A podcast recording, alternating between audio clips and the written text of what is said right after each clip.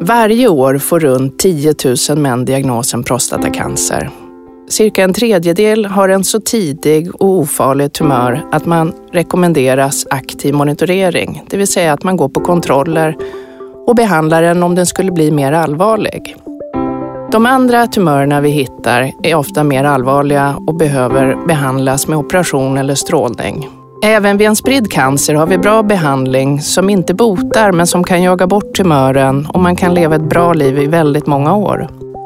Att drabbas av cancer är för många en livskris och det kan gälla även för de som har en väldigt tidig tumör som inte behöver behandlas.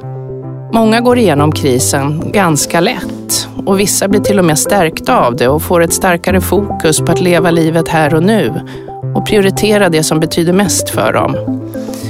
Men för en del så kommer istället cancerdiagnosen sätta igång en lavin av känslor och ge upphov till oro, ångest eller depression. Dagens avsnitt handlar om när själen mår dåligt. Välkommen till Prostatacancerpodden. Podden är för dig som är patient, anhörig eller allmänt intresserad. Jag som har podden heter Anna-Bill Axelsson och är överläkare vid urologkliniken på Akademiska sjukhuset och docent i urologi vid Uppsala universitet. Dagens gäst är både onkolog och psykiater. Hon har en gedigen erfarenhet av både cancer och själslig smärta. Hon är överläkare vid Norra Stockholms psykiatri och disputerad forskare vid Karolinska institutet med fokus på suicidforskning. Hon har också skrivit boken Konsten att rädda liv som handlar om hur vi runt omkring kan hjälpa den som är i själslig nöd. Välkommen hit, Ulla-Karin Nyberg. Tack så mycket. Var jätteroligt att du är här, Ulla-Karin. Det känns fantastiskt bra. Jag tänkte vi skulle prata om det här svåra idag. Det här när allting plötsligt förändras och man får ett cancerbesked. Kan du berätta lite grann om hur du upplever att, att det här tas emot hos patienten? Ja, det är väldigt olika och speglar den personlighet man har. Så egentligen kan man inte säga generellt hur man tar emot ett cancerbesked förutom att det är ett svårt besked att få och det ställer livet på sin spets och man börjar ställa de här svåra frågorna som man kanske inte har funderat över så mycket tidigare. Man börjar fundera till exempel över prioriteringar i livet. Man börjar tänka på att livet tar slut en dag.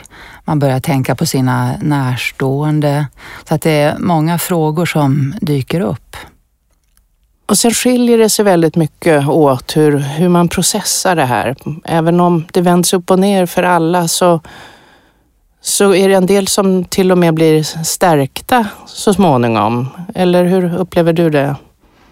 Jag, jag tycker själv att det är väldigt stärkande att tänka på detta, att människor har den förmågan att vi går stärkt ur kriser, men att det kan ta olika lång tid. De allra flesta som tar sig igenom en sån här svår situation, de lär sig saker om sig själva, om livet. Så att de jag möter som har fått ett cancerbesked, kanske för ganska länge sedan, de beskriver nästan alltid att det har inneburit någon form av utveckling. Men det gör ju inte att man kan säga att cancerbeskedet i sig är någonting positivt, för det är någonting nytt som jag möter i vår kultur, att man nästan har dåligt samvete när man inte kan tänka positivt runt ett svårt besked. Jag borde inte vara så här ledsen, för andra har det värre än jag. Så att det är också viktigt att man får vara precis så ledsen som man faktiskt är. Och det här att kunna tänka på det i termer av utveckling, det tar tid. Ja, det är ingenting som kommer direkt. Nej. Hur kom det sig egentligen att du valde att bli både onkolog och psykiater? Är det, kan du berätta lite grann om det? Ja, det kan man ju undra över. Jag har alltid jobbat med döendet och döden och svåra händelser.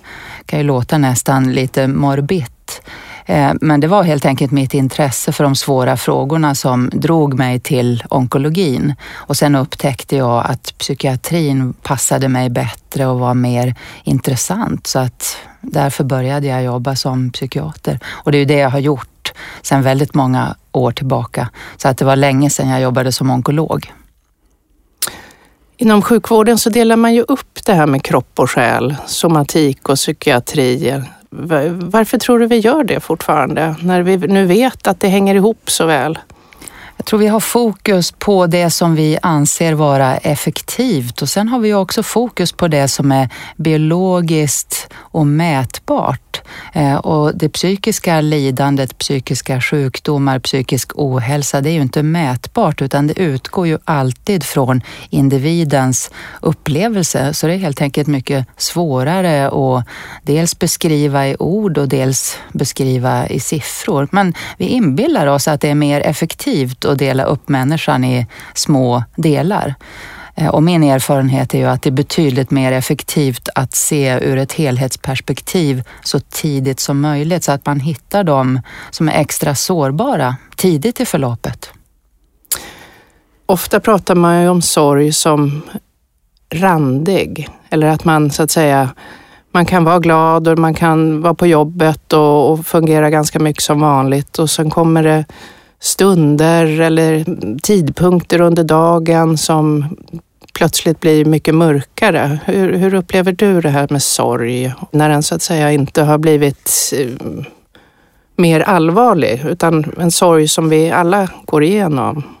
Det där är väldigt viktigt att känna till för alla och en var. För eh, den forskning som finns om sorg har ganska entydigt visat just det här att sorgen går mellan eh, att sörja förlusten, vare sig det handlar om ett dödsfall eller, eller någon annan typ av förlust och att kunna vistas i framåtblickandet och i det vanliga livet. Så att kan man växla mellan sorg och förtvivlan och glädje och hopp så har man lättare att ta sig ur en sorg.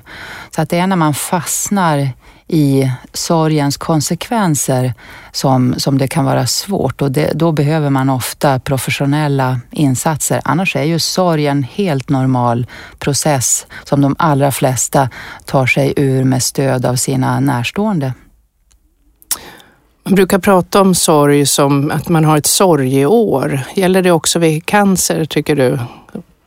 Jag är inte så förtjust i att dela in eh, olika svåra processer i tid på det sättet för att det ställer till det ibland när man förväntar sig att sorgen ska gå över inom en viss tid och sen blir man besviken när den inte gör det och tror att det är något fel på mig.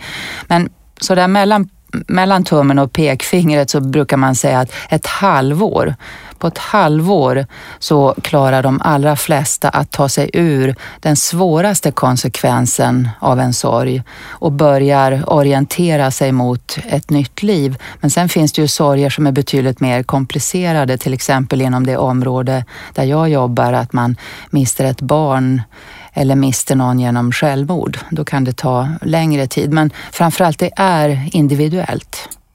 Ja, just det. Jag tänker, vilken, vilken typ av, av själslig smärta, om det nu så att säga sorgen inte, om den blir djupare och det blir svårare, vilka är de vanligaste besvären man får då? Man kan vara uppmärksam på om den här dynamiken i sorgen försvinner. Så att man är ledsen hela tiden, att man kanske fastnar i tankar på det man har mist att man inte kan orientera sig mot en ny framtid, att man börjar älta mörka, dystra tankar, att man får för sig att livet är förstört och slut för mig. Om det blir långvarigt och påträngande så att jag inte kan fungera i min normala vardag, då ska man alltid söka hjälp. Och då är det en depression man lider av. Skulle du säga så? Eller? Ja, det kan vara en depression. Det kan vara det som vi kallar för komplicerad sorg.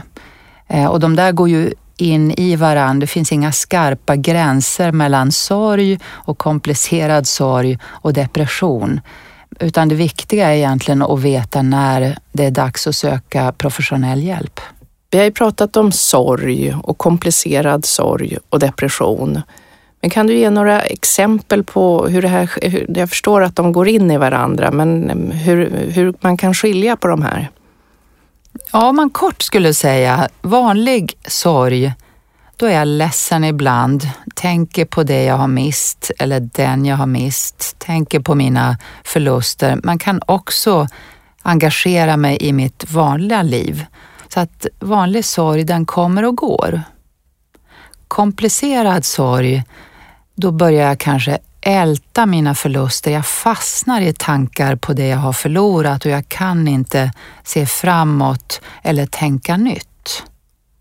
Och depression, det är ett ganska tydligt tillstånd när jag är nedstämd mest hela tiden, när jag börjar tänka väldigt dystra tankar, när jag förlorar intresset och glädjen i att göra saker som jag normalt sett brukar tycka om. Jag kanske drar mig undan socialt, jag förlorar koncentrationsförmågan, jag förlorar förmågan att ta initiativ och i värsta fall så börjar jag tänka på självmord.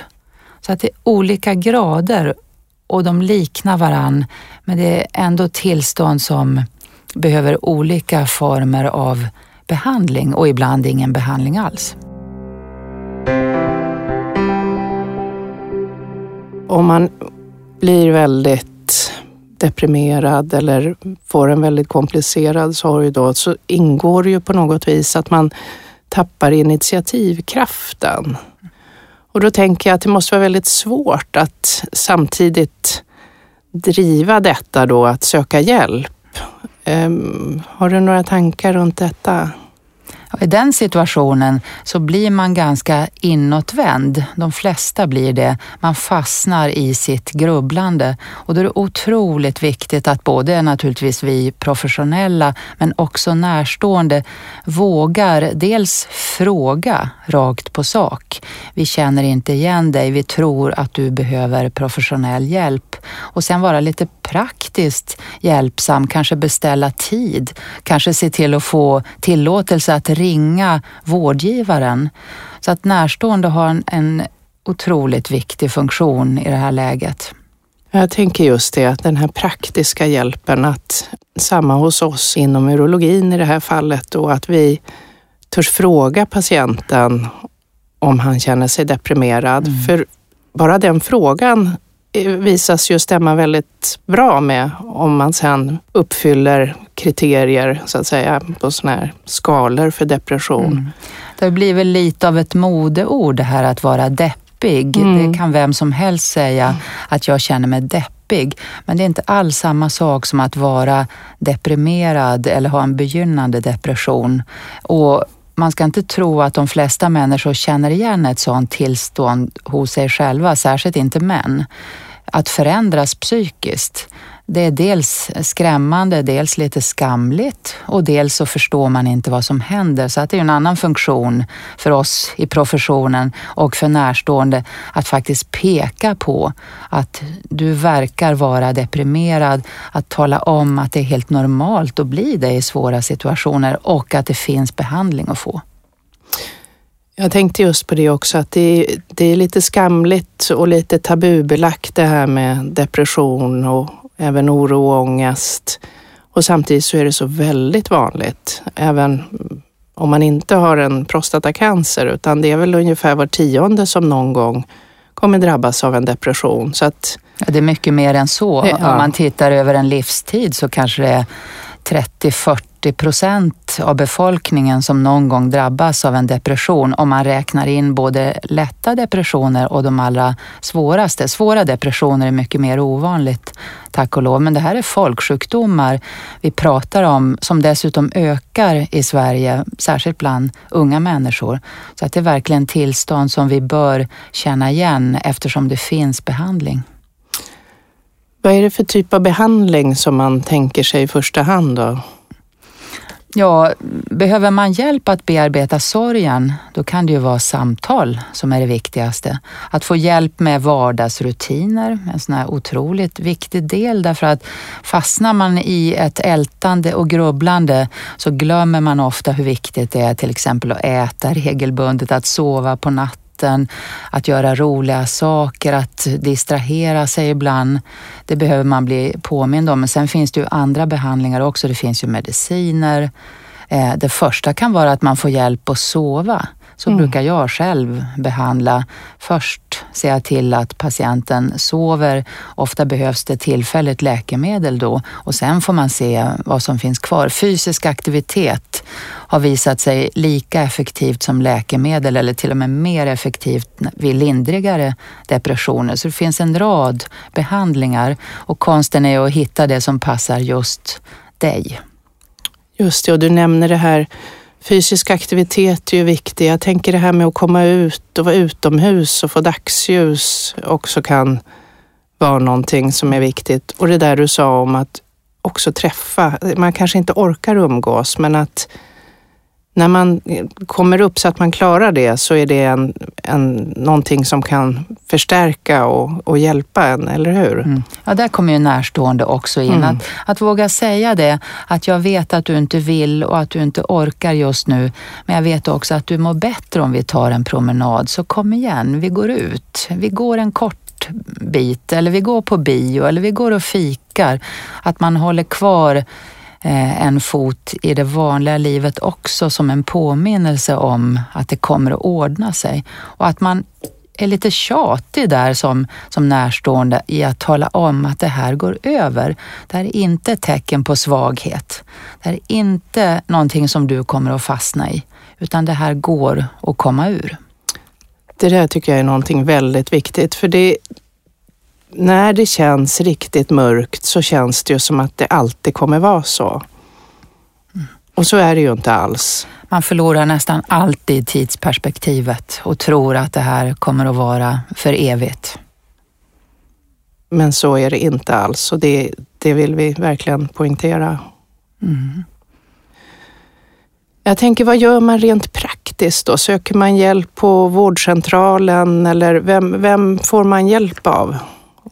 Har, har man kontakt med till exempel en urolog eller ett urologiskt team så kan man ju ofta fråga om hjälp, för det ser ju väldigt olika ut över landet. Det är inte så att det finns precis samma resurser över hela landet. Det önskar vi oss ju att det skulle se likadant ut överallt, men det finns eh, kliniker där man har tillgång till både psykolog och psykiater och kurator och andra stödpersoner. Det finns kliniker där man inte har det och man kan ju alltid vända sig till primärvården och se vad som finns där. Kuratorer finns i primärvården. Man kan alltid ringa 1177 till exempel och ta reda på vad finns här där jag bor.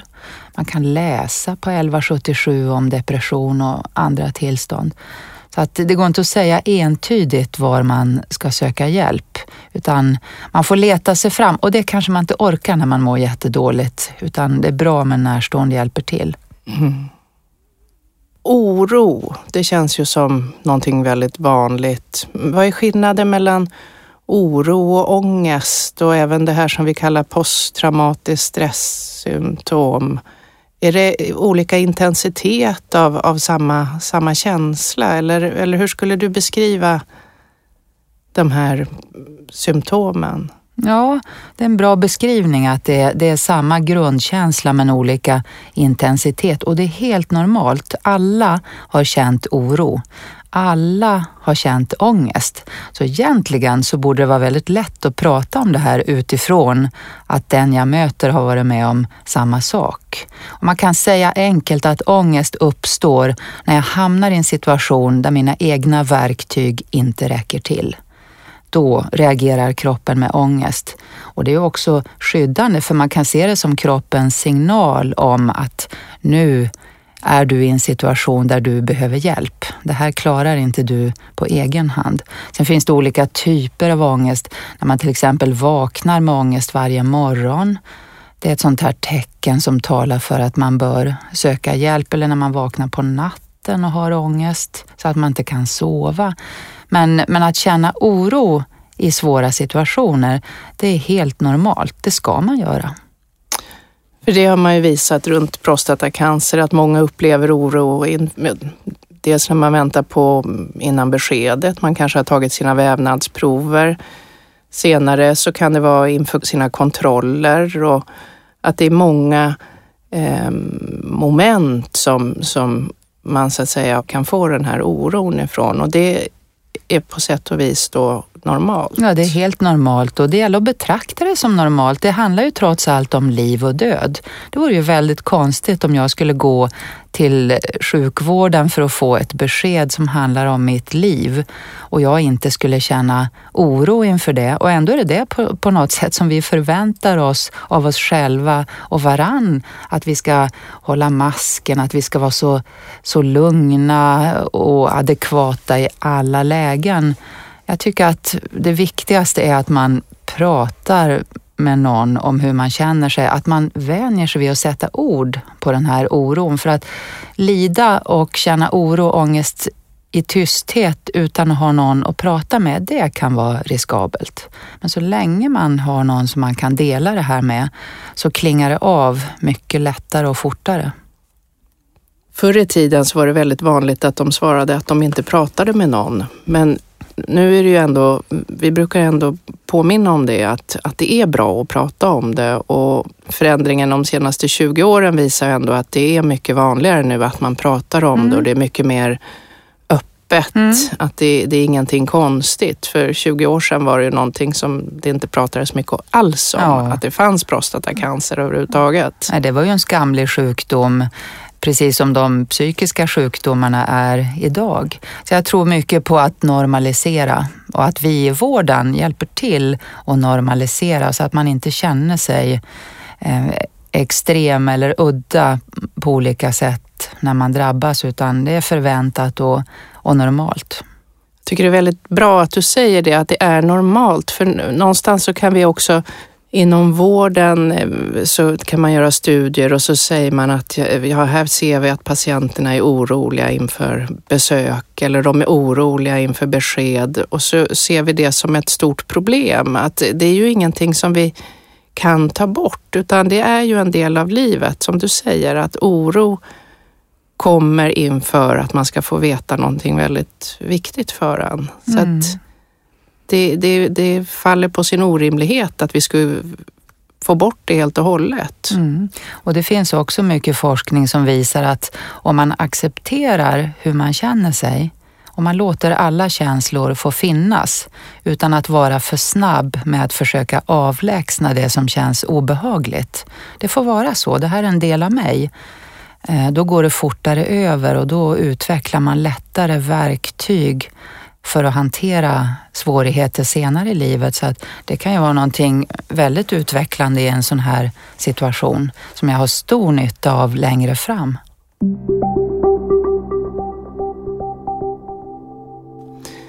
När det blir värre då, när det blir riktig ångest, är det samma där, att man söker hjälp på samma vis som om man känner sig nedstämdhet som inte går över?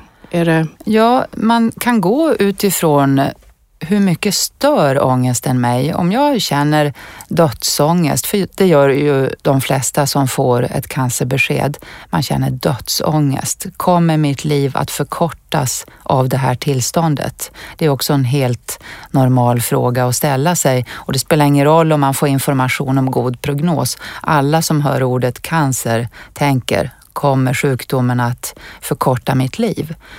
Om jag börjar tänka mer och mer om jag har den här dödsångesten gång på gång så att den stör mig i mitt vanliga liv så att jag kanske inte ens fungerar i mina relationer, jag fungerar inte i vardagslivet, jag fungerar inte på arbetet i skolan. Då kan man börja fundera över att det här bör jag nog söka hjälp för. Därför att det finns intensiv ångest som man förlorar kontrollen över så att det blir mer som panik. Och då måste man definitivt få professionell hjälp för att det kan vara ett ganska farligt tillstånd att vara så panikslagen så att man inte hanterar det själv. Och där finns det väl kognitiv beteendeterapi som kan ha väldigt god effekt? Är det ja, inte så? Ja, det finns kognitiva tekniker, det finns andra tekniker och ofta kommer man väldigt långt i samtal som är kognitivt inriktade. Det är inte så att alla måste gå i terapi utan de allra flesta klarar sig bra med hjälp av några kognitivt inriktade samtal. Men det är ju det här med män, att vi har fortfarande en massa ordspråk i Sverige som handlar om att ensam är stark och bra kar reder sig själv och själv är bäste dräng.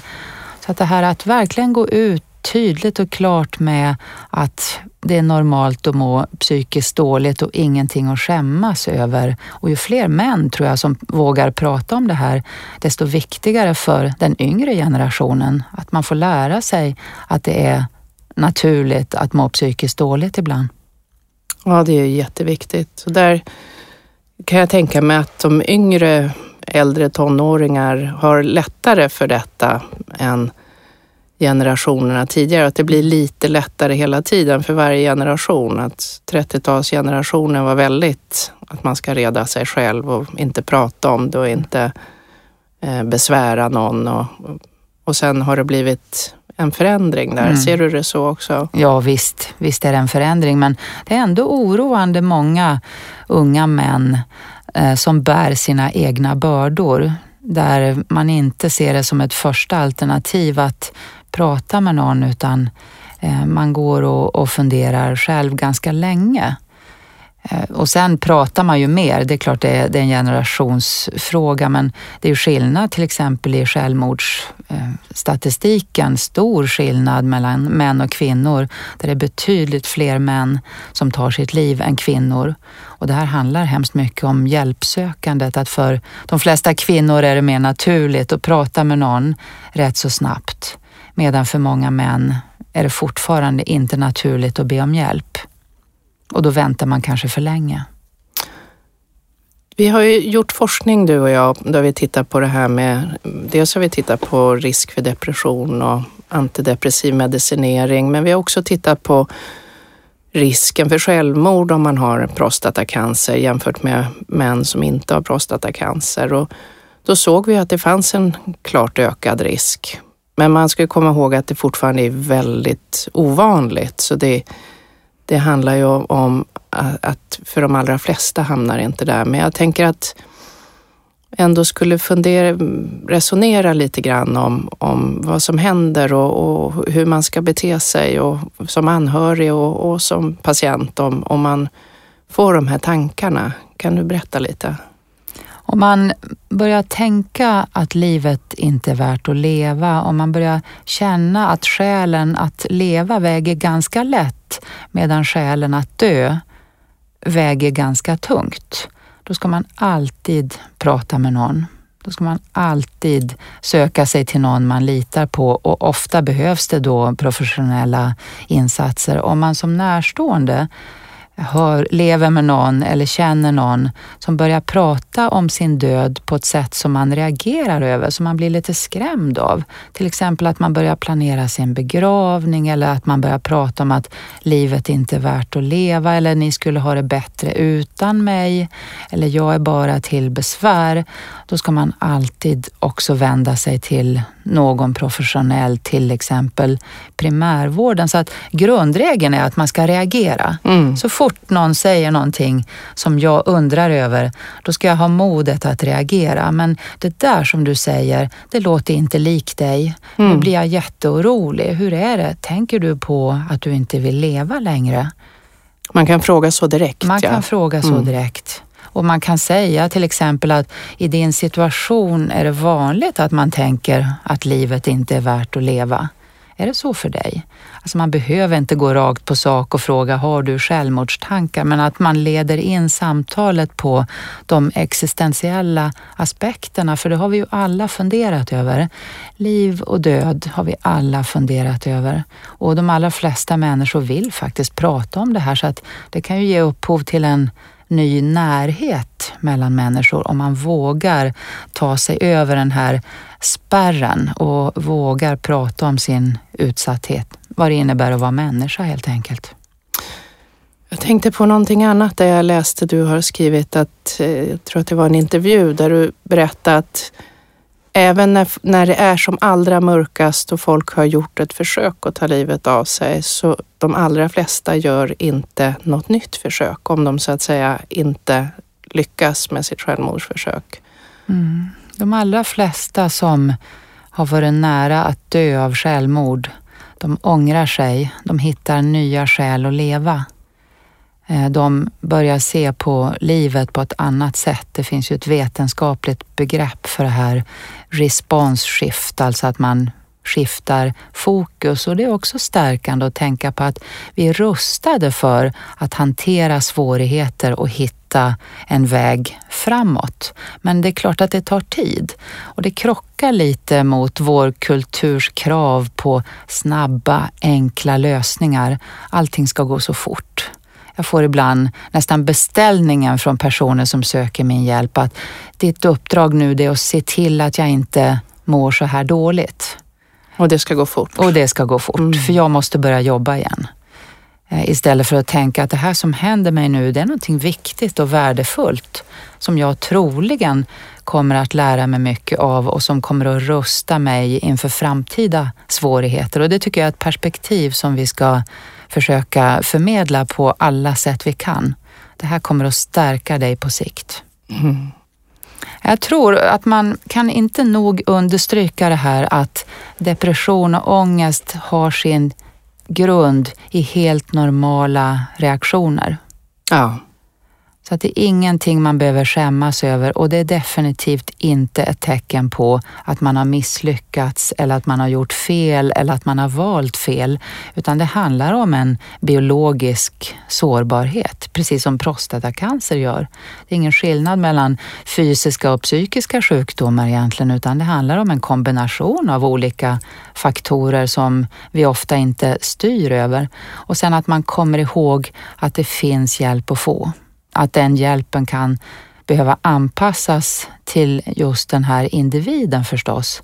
Men det finns alltid hjälp att få och det lönar sig alltid att söka hjälp. Jag har lite erfarenhet av att man söker kanske hjälp för psykiska besvär vid ett tillfälle och blir man besviken så gör man inte om det utan då tänker man att det här var ingenting för mig. Och så gör man ju inte när det gäller fysiska sjukdomar. Eh, om jag har diabetes och går till en diabetesmottagning och blir besviken så tänker jag ju inte att jag har diabetesvård. Det är troligen ingenting för mig utan då försöker jag igen. Och så måste man tänka när det gäller det här också. Jag har rätt att få hjälp. Det här är tillstånd som är välkända, väl beforskade och där vi i Sverige då har många olika sätt att behandla. Ja, det är väldigt viktigt. Jag tror vi avsluta med det. Att det finns hjälp att få och att det här är normalt. Mm. Ja. Och det här är någonting vi kan dela med andra utifrån att vi alla har känt någonting liknande. Just det. Mm.